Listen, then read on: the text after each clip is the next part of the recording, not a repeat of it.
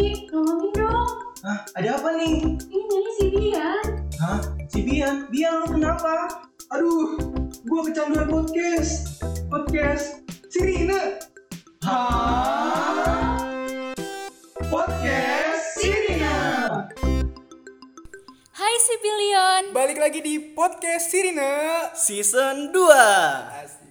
Puasa, puasa. Iya. Abis Kan udah puasa sekarang. Sirup Emang itu tuh udah puasa? bertebaran nih Iya, lu lihat dong di TV banyak iklan-iklan. Ah, gue gak nonton TV. Oh, iya. gue dengerin podcast. Waduh Mm, boleh, boleh.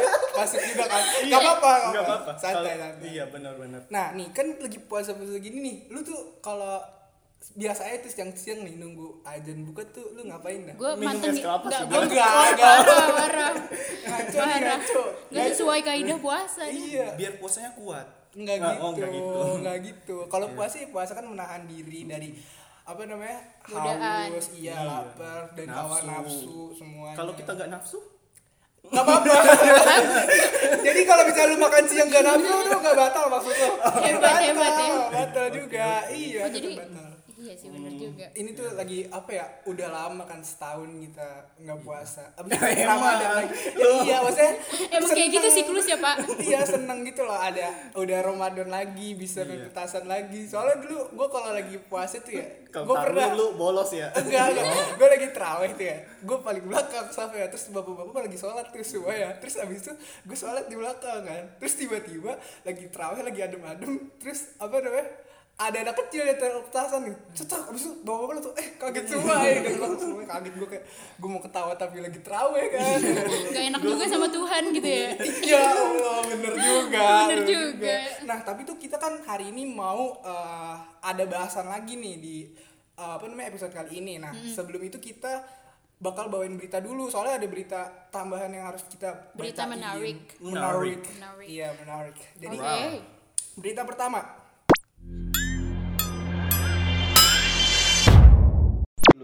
Nah, ada open registrasi untuk peserta tausiah Ramadan.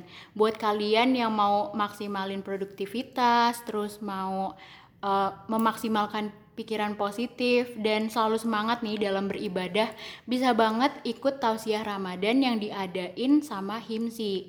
Dan mau tahu nggak sih acaranya diadain kapan? Kapan tuh? Jadi bakal diadain hari Minggu tanggal 2 Mei 2021.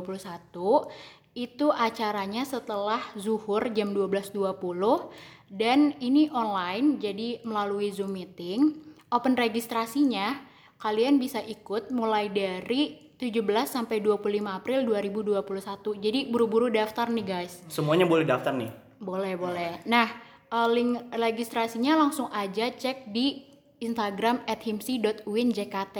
Lanjut nih. Nih, berita kedua nih, enak banget nih buat kalian Camaba UIN 2021 ada kabar gembira.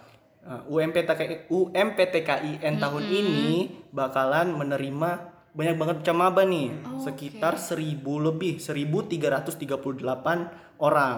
Jadi buat kalian yang pengen join di keluarga UIN nih, UIN Jakarta Sabi nih ya, sabi. banget nih jalur UMPTKIN. Nah, untuk informasi aja nih, UMPTKIN tuh cuma untuk jurusan keagamaan. Mm-mm. Jadi- Ada berapa jurusan tuh?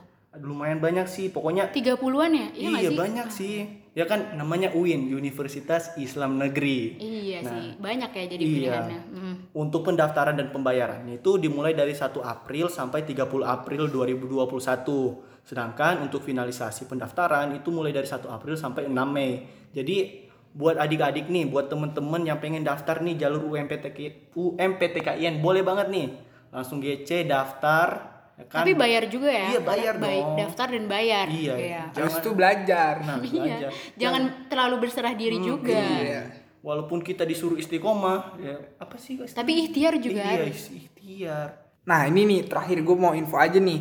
Eh, menurut WHO, eh, WHO ini mengakui laboratorium terpadu Fakultas Kedokteran Universitas Islam Negeri Syarif Hidayatullah Jakarta itu jadi salah satu laboratorium dengan jejaring pemeriksaan PCR COVID-19 terbaik. Jadi itu laboratorium UIN ini salah satu terbaik dalam pemeriksaan PCR di eh, COVID-19 kayak gitu.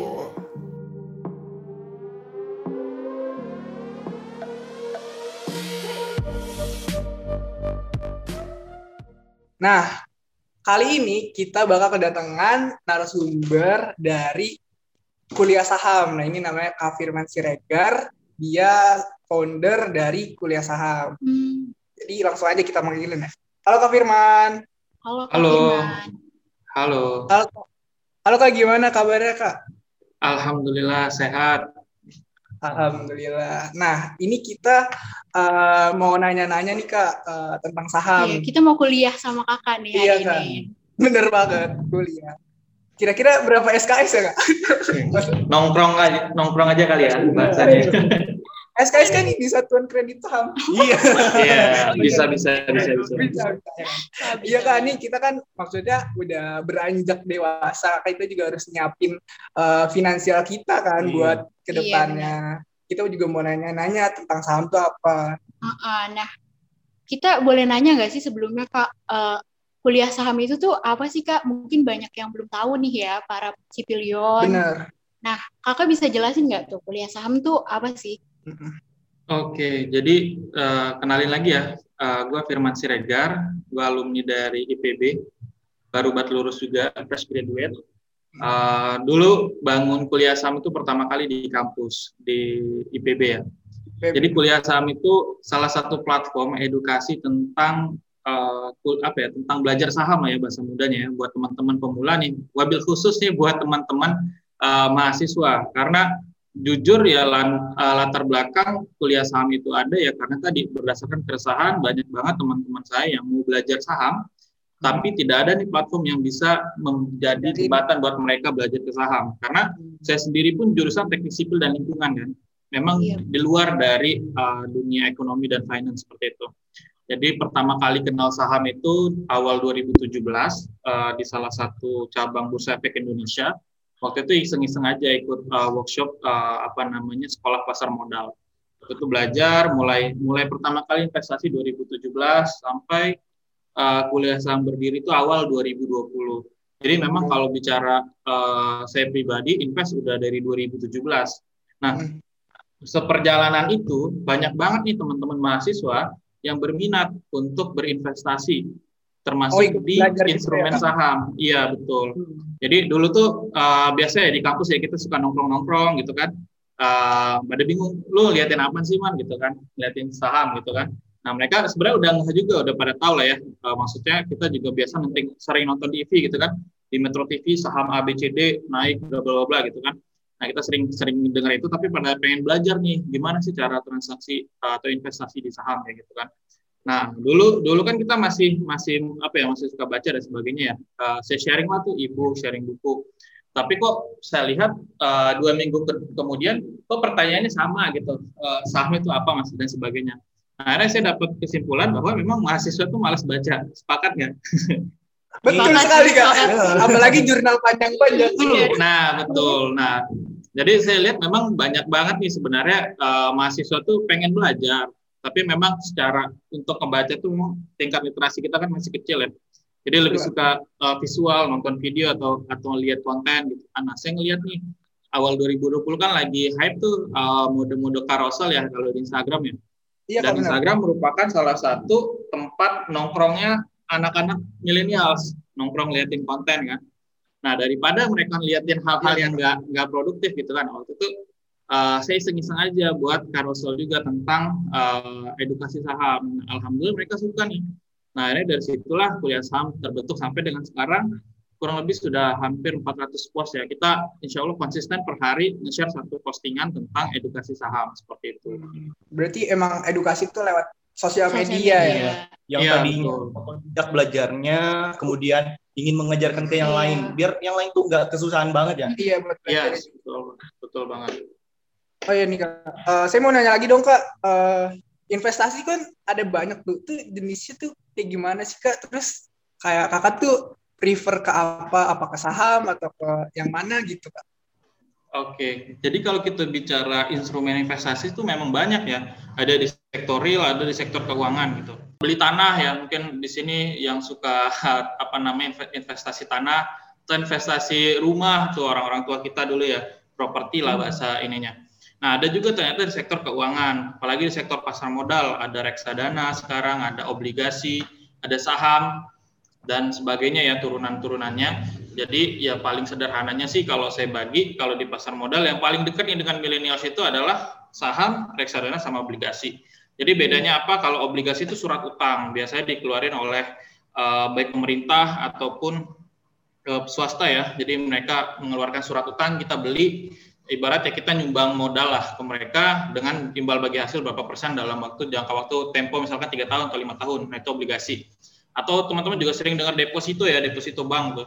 Ya kita nitipin uang iya, kita dengan return berapa berapa persen per tahun gitu. Atau uh, reksadana. Nah bedanya reksadana dengan saham apa? Reksadana itu ada berbagai macam lagi ya. Intinya yang beda reksadana dengan saham adalah kalau reksadana kita nitipin dana kita ke manajer keuangan atau manajer investasi. Nah, si manajer investasi yang mengelola dana kita. Kalau kita beli reksadana saham, berarti si manajer investasinya mengelola dana kita ke instrumen saham. Kayak gitu. Hmm. Tapi kalau saham, kita beli sendiri nih saham perusahaannya. Dan kita mengelola portofolio kita sendiri. Mau naik, mau turun, kita sendiri yang mengelola. Kayak gitu. Kemudian saham terakhir. Nah, kalau saham itu bahasa sederhananya gini. Uh, misalkan tadi Mas Bian ya, Mas Bian iya, punya ya, mau buka usaha bakso misalkan mau buka usaha bakso nih sama teman-temannya, misalkan butuh modal sekitar 10 juta. Nah, Mas Bian sendiri cuma punya modal satu juta. Akhirnya ngajak lah nih, misalkan eh, Mbak Ari, Mbak Alda gitu ya, untuk join ke bisnis baksonya nih. Misalkan ajak 9 orang, jadi 10 orang. Nah, setiap orangnya nyumbangin dana satu juta atau nanam modal satu juta. Nah, satu juta ini disebut dengan kepemilikan saham atau kepemilikan bisnis baksonya tadi. Berarti setiap orang dalam bisnis baksonya Mas Bian tadi memiliki saham sebesar satu juta kayak gitu itu saham. Nah hmm. kalau misalnya sekarang kita beli saham Bank BRI berarti kepemilikan perusahaan BRI seperti itu. Hmm. Jadi sederhana kayak gitulah. Oh iya iya. Paham, oh paham. jadi sistem keuntungannya ini uh, kurang lebih bagi hasil ya kayak gitu ya? Iya yes, betul. Jadi kalau keuntungan di saham itu ada dua ya. Jadi yang pertama tadi bagi hasil kita sebut dengan dividen. Jadi misal tadi Mas Bian tadi baksonya ternyata untung nih uh, tahun pertama untung. Misalkan untungnya Eh, uh, 10 juta gitu. Setelah dipotong dengan operasional ya udah bayar pegawai tempat dan sebagainya. Nah 10 juta keuntungan ini dibagilah nih ke tergantung teman-teman modalnya. Misal tadi semuanya berarti nanam modal 10% kan? Berarti 10 jutanya itu dibagi tuh uh, per ke 10 orang tadi kan karena punya 10 orang dan dengan porsi saham yang sama kan berarti tiap orang dapat satu juta nih dividen kemudian keuntungan yang kedua di saham tuh namanya capital gain itu selisih harga jual dengan harga beli jadi bisa aja dulu beli sahamnya uh, baksonya Mas Bian tadi satu juta, bisa aja dua tahun kemudian karena banyak yang mau invest di perusahaannya Mas Bian, harga uh, saham bakso Mas Bian tadi naik sampai jadi satu juta lima ratus atau dua juta. Nah misalkan Mbak Alda mau jual nih ke orang lain nih kepemilikan saham uh, bakso Mas Bian tadi bisa ke teman ke orang lain gitu. Cuman kan kalau di bursa efek kan dia jelas tuh ya ada sistemnya ya di ATS. Jadi kita tahu nih harganya naik turun kan tergantung dengan demand dan supply di pasar. Jadi kita tahu nih, oh harga sekarang naik, ya kita jual silakan. Kalau nggak jual ya nggak jadi masalah seperti itu. Jadi mudah lah sebenarnya. Bahkan saya selalu bilang ke teman-teman peserta kuliah saham, selama teman-teman bisa uh, menggunakan aplikasi Gojek, bisa menggunakan aplikasi Grab, bisa transaksi di mobile banking, artinya kita juga bisa loh untuk transaksi atau investasi di saham. Karena sekarang semuanya udah digital. Beda sama zaman dulu kayak gitu. Kak, kalau misalnya nih Kak, kalau bedanya investasi sama trading itu apakah bedanya? Oke, jadi itu hanya beda ini ya sebenarnya dari bahasanya itu kita udah beda ya. Investasi berarti kan ya kita investasi kayak kayak ya kita berarti apa ya beli sesuatu untuk disimpan jangka panjang. Kalau trading itu kan dari dari bahasa trade ya, berarti uh, perdagangan atau jual beli lah. Bahasa sederhana gini deh. Kita anggap aja kita nggak usah bahas uh, saham gitu. Kita anggap aja emas nih yang paling dekat dengan kita Misalkan Mbak beli emas saat ini, dia punya punya uang 10 juta gitu. Uangnya nganggur nih, nggak kepake gitu. Ah daripada nganggur di rumah, ya udah gue beliin emas aja deh gitu kan. Emas dibeli nih misalkan disimpan untuk nanti dia S2 misalkan lima tahun lagi. Nah itu disebut dengan investasi. Dia beli untuk disimpan jangka panjang. Uh, kalau trading gimana? Kalau trading Mbak Ari beli nih, oh harga emas sekarang lagi turun nih, gitu misalkan uh, bulan depan gue jual nih uh, dengan harapan naik gitu atau ya gue mau jual jangka pendek lah kayak gitu bahasa sederhana ya udah beli beli emasnya kemudian bulan depan dijual atau Mbak Ari buka toko emas itu trading namanya jual beli itu sih bedanya jadi dari segi jangka waktunya yang paling paling mudah ya kalau investasi itu pasti jangka panjang di atas satu tahun kalau kita bicara trading itu jangka pendek Jadi uh, bisa di bawah satu tahun, bisa tiga bulan. Ada juga orang yang di tuh yang scalping ya harian gitu. Dia transaksiin sahamnya tuh dalam jangka waktu satu hari, dua hari, seminggu dan sebagainya seperti itu. Tapi uh, aku mau nanya nih kak, kalau begitu, kalau misalnya trading itu jatuhnya short term ya, itu tuh hmm. lebih beresiko investasi saham atau gimana tuh kak? Atau sebenarnya sama aja, cuman beda jangka waktunya aja kak? Oke, jadi beda uh, kalau kita bicara dari risiko ya, risikonya lebih besar mana investasi atau trading. Yang pertama, ini kita anggap sahamnya sama ya, kita anggap sahamnya fundamentalnya bagus, Steve. Artinya gini, risiko itu kembali lagi ke kita ya. Selama kita paham apa yang kita transaksiin, kita paham uh, apa yang kita lakukan, baik investasi, baik kita trading, artinya kita tahu nih risiko di mana dan uh, apa namanya uh, rewardnya di mana. Tapi kalau bicara secara umum ya, secara general, investasi dengan trading itu risiko lebih besar yang mana? Ya jelas lebih besar yang trading. Kenapa? Karena jangka pendek kita harus taktik apa ya, TikTok jual beli saham kan. Dan teman-teman juga harus uh, belajar yang namanya analisa teknikal gitu, belajar tentang pergerakan harga saham, kemudian uh, ngebaca grafik dan sebagainya kayak gitu. Tapi kalau investasi ya punya risiko juga karena ya saham di Bursa Efek Indonesia kan ada 700 ya. Itu nggak selamanya harganya terus naik dalam jangka panjang. Ada juga yang turun loh kayak gitu. Artinya ya dua-duanya punya sisi mata koin masing-masing gitu. Nah, selama kita mau belajar kita tahu gitu apa yang kita lakukan insya Allah sih risiko itu bisa kita uh, tanggulangi kayak gitu. Oh bisa diminim di diminimalisir. Ya betul. Ada punya resiko masing-masing. Iya. iya. tapi nih kak kan di masyarakat luas nih. Nggak semua tuh bisa menerima uh, saham secara baik gitu. Banyak stigma negatif tentang saham. Ada yang bilang saham itu haram hmm. ada yang itu bilang, sering banget sih ya. Iya. Kalau walaupun orang-orang itu belum tahu seutuhnya itu nggak bisa dihilangin tuh iya, stigma, stigma negatif. iya. itu ya iya. Itu tanggapan kakak tuh tentang saham itu itu hukumnya haram halal. pandangan kakak iya, gitu sih? Saham itu okay. Jadi uh, bicara terkait kehalalan dan keharaman tuh bukan apa namanya, saya nggak bisa dari sudut pandang saya sendiri, tapi saya langsung bawa fatwanya nih. Karena ya saya nggak bisa nentuin fatwa saham ini halal atau enggak, tapi itu tugas dari MUI kita. Jadi uh, wajar sih sebenarnya ya buat orang-orang awam yang belum kenal dengan saham, belum kenal dengan reksadana dan uh, apa namanya instrumen pasar uang yang lainnya ya, uh, menganggap ini hal yang tabu karena memang sekarang semua udah digital. Beda cerita dengan zaman dulu kalau zaman zaman dulu itu memang saham itu lembarannya lembaran asli, lembaran kertas. Tapi kan sejak 2010 ke atas itu kan semua udah digital. Jadi memang lembarannya itu dalam bentuk uh, apa namanya digital gitu. Kita nggak bisa ngelihat langsung uh, sahamnya. Nah, terkait kehalalan dan keharaman saham itu udah diatur oleh Majelis Ulama Indonesia. Jadi ya ini bukan kata saya, tapi langsung dari fatwa MUI. Artinya kalau kita uh, jadiin sebagai undang-undang syariah ya itu jelas itu kan halal haramnya itu jelas di dalam fatwa tersebut. Jadi nggak cuma makanan doang yang bisa kita tahu nih makanan halal atau haram. Ternyata saham itu juga ada terkait kehalalan dan keharamannya. Nah itu hmm. diatur oleh fatwa MUI DSN 80 tahun 2011. Teman-teman sih silakan searching kalau misalnya mau lihat yang versi lengkapnya. Saya jelasin singkatnya aja. Jadi silakan searching di Google DSN DSN uh, MUI 80. Jadi uh, dari ada namanya Dewan Efek Syariah ya dari Majelis Ulama Indonesia yang bertugas untuk membuat fatwa ini. Jadi kan ada 700 nih perusahaan di Bursa Efek Indonesia. Nah, nggak semuanya kan uh, artinya sesuai dengan kaidah uh, keislaman kita atau kaidah syariah ya. Nah, ya. sehingga dibuatlah itu namanya fatwa tadi, fatwa DSN 80. Nah, DSN 80 itu berisi uh, kriteria saham-saham yang masuk dengan kategori saham syariah. Jadi yang pertama, kalau kita mau uh, kita transaksi kita itu dikatakan syariah atau sah secara secara apa namanya secara hukum agama gitu ya.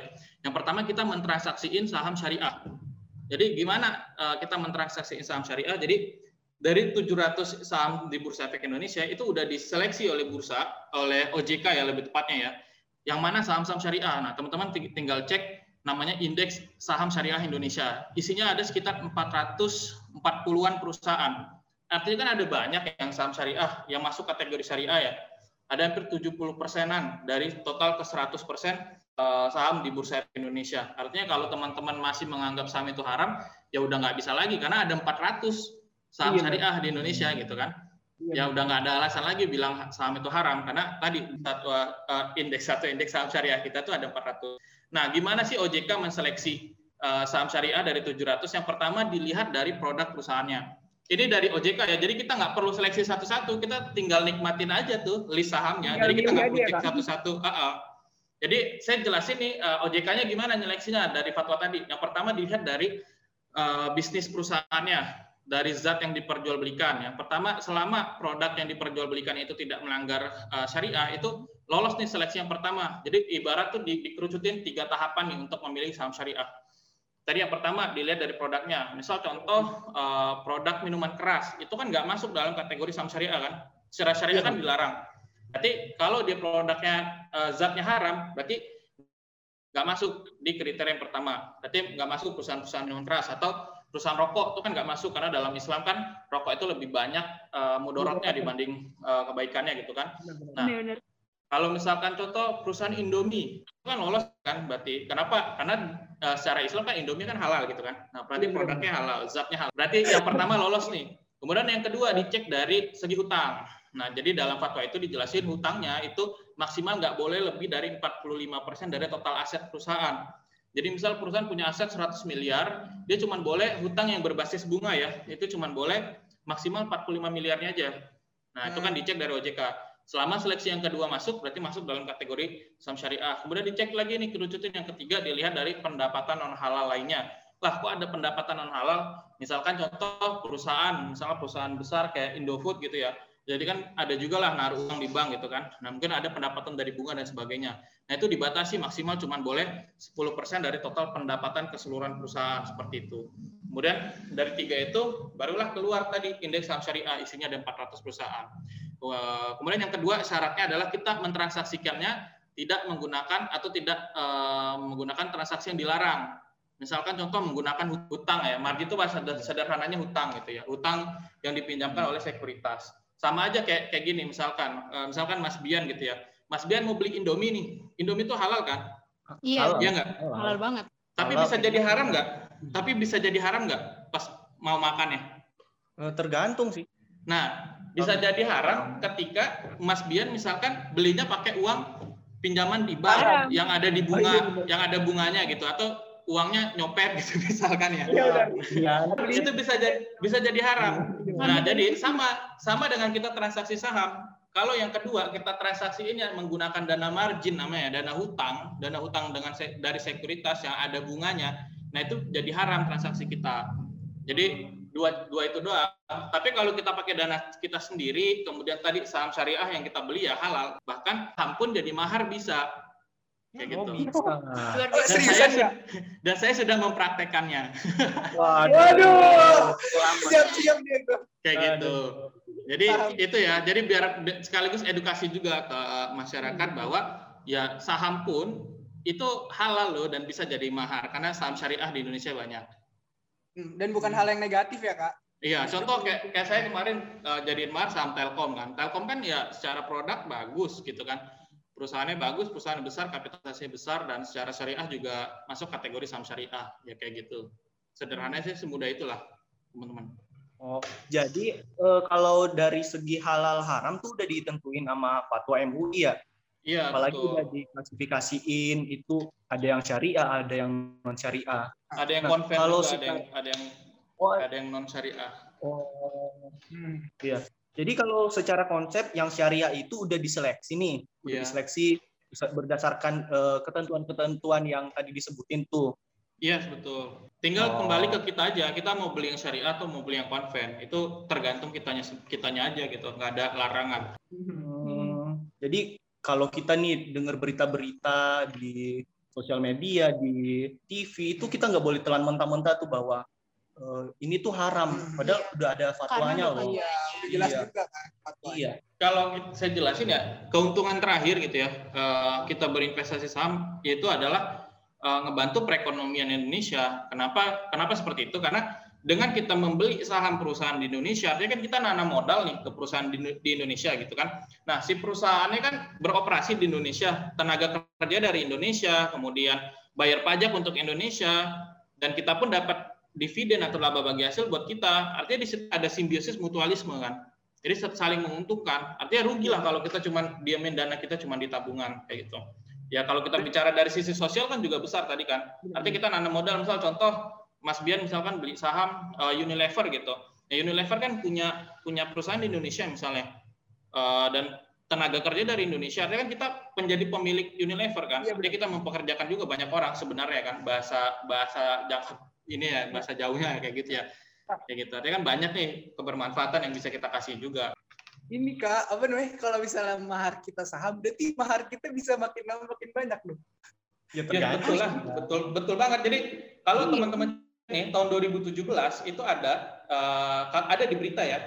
Namanya Aceng Pradana kalau nggak salah. Dia dia beliin mahar tahun 2017 itu saham sudah muncul. Dia beli di harga saya lupa uh, saya cek bentar. Kalau nggak salah di harga nah ini nih dia beli di harga 450 rupiah per lembar. Kemudian di 2020 kemarin kalau kita bicara di 2021 sebelum dia stock split harganya naik 1600 waduh. Saham Sidonya. Dan waktu itu dia beliin saham istrinya itu 50 ribu lembar atau 22 juta 500 artinya kalau kita hitung ke harganya sekarang sebelum stock split 1600 itu uh, bisa 80 juta, uh, 70 jutaan kayak gitu. Nah, keren banget sih kak. Pada penasaran gak sih akhirnya gitu kenalan sama saham hmm. terus uh, menarik banget kan? Kalian hmm. tertarik gak sih? Bener kayak sekarang harus apa? Iya. Gitu. Nah kakak bisa kasih tahu nggak sih langkah-langkah uh, untuk kita nih ya hmm. yang orang awam nih untuk bela memulai belajar saham tuh kayak gimana sih kak? Kalau secara okay. otodidaknya ya? Iya benar banget.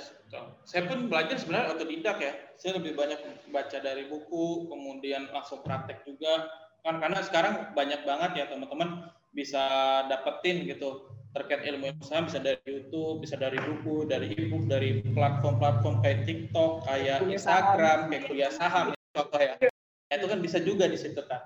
Jadi kalau saya bagi itu ada tiga, tiga, tiga hal. Yang pertama, langkah pertama adalah langkah belajar. Langkah belajar itu ya minimal teman-teman tahu lah uh, saham itu apa, kayak yang kita diskusi hari ini, kemudian cara transaksinya gimana, kemudian uh, risikonya apa, rewardnya apa, kemudian prinsip-prinsip dalam transaksi seperti apa. Itu itu langkah-langkah pertama belajar. Yang kedua adalah action. Belajar tanpa action ya percuma gitu kan, karena banyak juga orang yang belajar terus tapi nggak ada action-actionnya, ya gitu kan. Nah, actionnya gimana? Actionnya teman-teman tinggal buka rekening sekuritas. Jadi buka rekening sekuritas tuh sekarang semua udah full online ya, udah banyak banget lah sekuritas saham di Indonesia apalagi yang cakup ke millennials gitu ya. itu ada yang nggak ada minimum deposit jadi ya kita modal nol aja udah bisa mulai buka rekening saham kayak gitu bahkan semua udah full online kayak gitu saya nggak mau nyebut merek takutnya malah promosi ya karena saya nggak dibayar juga sama iya. sekuritasnya jadi jadi uh, intinya buka buka rekening sekuritas syaratnya apa aja? Syaratnya cuma dua. Pertama KTP jadi syarat pertama harus ada KTP yang kedua adalah rekening tabungan pribadi. Nah, fungsi rekening tabungan pribadi adalah untuk nanti narik dana kalau teman-teman udah mau narik dana, mau narik dana, tapi kalau nggak mau narik dana nggak akan masuk ke rekening pribadinya kayak gitu. Ah, Cuman iya. dua itu sama ngisi formulir, jadi kayak kita buka rekening bank aja semudah itu. Baru hmm. terakhir, ya terakhir isi formulir kan, udah kayak gitu. Baru ditunggu prosesnya, nanti si sekuritasnya ngirim ini user ID, password, sama PIN buat kita login ke aplikasinya sama RDN rekening dana nasabah untuk nyimpan saldo investasi kita. Baru ya udah kita transaksi baru habis itu action aja. Terakhir langkah ketiga adalah evaluasi. Ya, evaluasi ini ya kembali belajar lah karena ya namanya kita uh, masih pemula gitu mungkin aja kita salah beli saham atau kita salah dalam money manajemennya dan sebagainya kayak gitu kita evaluasi dari uh, apa namanya emiten yang kita beli atau saham yang kita beli gitu Oh ya, iya, udah prosesnya kayak gitu aja. Kalau kan ada banyak juga yang nanya kak lebih baik action dulu atau belajar dulu. Kalau saya pribadi belajar tetap harus di depan. Maksudnya belajar tuh bukan yang sampai detail ya sampai belajar tradernya, belajar trading, belajar teknikal dan sebagainya, tapi ya belajar dasarnya aja, terus buka rekeningnya sambil sambil belajar modal kecil dulu aja, karena dulu saya mulainya kayak gitu. Jadi hmm. belajar sedikit lah, uh, eh, SPM itu kan ngajarin dasar-dasar, kemudian buka rekening sekuritas, kemudian uh, mulai dengan dana kecil sambil sambil ngerasain lah cuan-cuan lima puluh ribu seratus ribu gitu kan iya, terus untung rugi dan sebagainya ngerasain sambil belajar jadi sambil belajar sambil top up dana lagi nih sambil top up dana deposit lagi kayak gitu itu sih prosesnya Oh iya sih kak. Oh iya kak, nih ini uh, mungkin pertanyaan terakhir sih kak. Uh, ceritain dong kak sedikit kayak kesalahan kesalahan yang uh, bisa diminimalisir bagi pemula tuh menurut kakak apa? Uh, singkat aja gitu kak.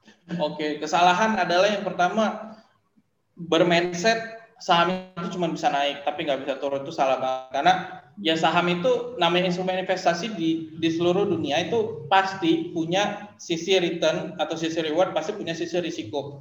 Artinya kita harus tahu returnnya apa atau reward yang kita kejar itu apa risikonya juga apa. Karena saham itu nggak selamanya terus naik ada kalanya dia turun dan kita harus tahu cara memanagenya kayak gitu. Kemudian yang kedua harus menggunakan dana dingin nah ini biasanya yang suka salah nih pada pakai dana panas. Dana panas dalam artian dana yang akan digunakan dalam jangka pendek atau dana yang akan digunakan untuk kebutuhan sehari-hari. Nah, ini berbahaya dan berisiko. Kenapa? Hmm. Karena kalau misalnya uh, saham teman-teman lagi turun, teman-teman butuh dananya, mau nggak mau jual rugi kan kayak gitu. Oh iya benar-benar. Nah, kemudian terakhir ya mungkin uh, tipsnya ya lebih banyak uh, apa ya action dan belajar sih. Karena saham ini kan sebuah instrumen uh, dari perusahaan ya. Perusahaan ini kan terus tumbuh terus berkembang dan kita mau nggak mau juga harus melihat perkembangan uh, perusahaannya juga gitu. Jadi itu aja sih paling ya. Tiga sama terakhir yang uh, didiversifikasi. Jadi diversifikasi itu maksudnya gimana? Ya kalau misalnya teman-teman beli saham itu jangan uh, apa namanya beliin ke satu perusahaan ada perusahaan aja gitu. Ibarat kalau kita dengar hmm. pepatah itu ya don't put the egg in one bucket gitu ya. Karena jangan naruh telur di dalam satu keranjang yang sama. Karena kalau keranjangnya jatuh kan telur kita pecah semua. Nah sama kayak hmm. saham gitu atau instrumen investasi lainnya gitu.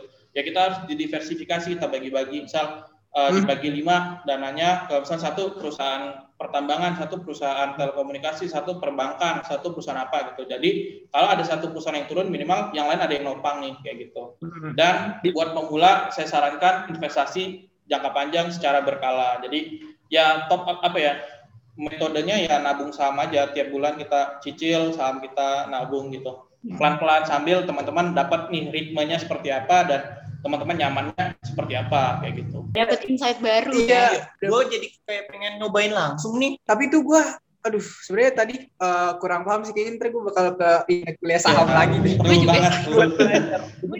ya. Iya. iya. Promosi, promosi. Iya. Nanti kita belajar lagi oke di kuliah saham. Mungkin kayaknya uh, segitu aja di kakeknya nanti kita kalau misalnya mau nanya-nanya kita langsung ke IG-nya aja kali ya. Boleh banget, boleh. Apa sih nama IG-nya? At kuliah saham. IG-nya itu kuliah. At kuliah saham. Oh, at kuliah saham. Hmm. Berarti buat teman-teman semua, buat sipilan semua, kalau yang mau belajar saham bisa banget di Instagramnya kuliah saham karena postnya update terus tiap hari. Hmm, karena hari. udah 400 kan, kan terus tadi kata kakak juga tiap hari konsisten bakal update mengenai iya. info-info saham. Yeah, hmm. Mungkin uh, terima kasih buat Kak Firman, uh, buat infonya sangat berguna banget buat kita semua, buat teman-teman semua juga yang dengerin soalnya ini tuh apa ya? Mungkin salah satu yang harus kita pelajarin biar ekonomi kita lancar yeah. gitu, biar kita nggak ketar ketir gitu yeah. dari mana, gitu kan. banyak utang. Ya. iya, nggak banyak, banyak lebih cepat gitu. mencapai financial freedom. Nah, yeah, itu dia. Terus juga kita jadi lebih apa namanya? Uh, lebih aware sama finansial gitu kan. Hmm. Jadi kayak tuh banyak nih gitu kan. Tinggal foya foya buat mahar buat mahar. iya buat mahar juga bisa. Uh, mungkin segini aja. Makasih Kak Firman. Uh, kita tutup ya Kak. Siap siap. Thank you banget nih Kak. Thank you banget Kak. Oke makasih ya teman-teman semua. Assalamualaikum. Waalaikumsalam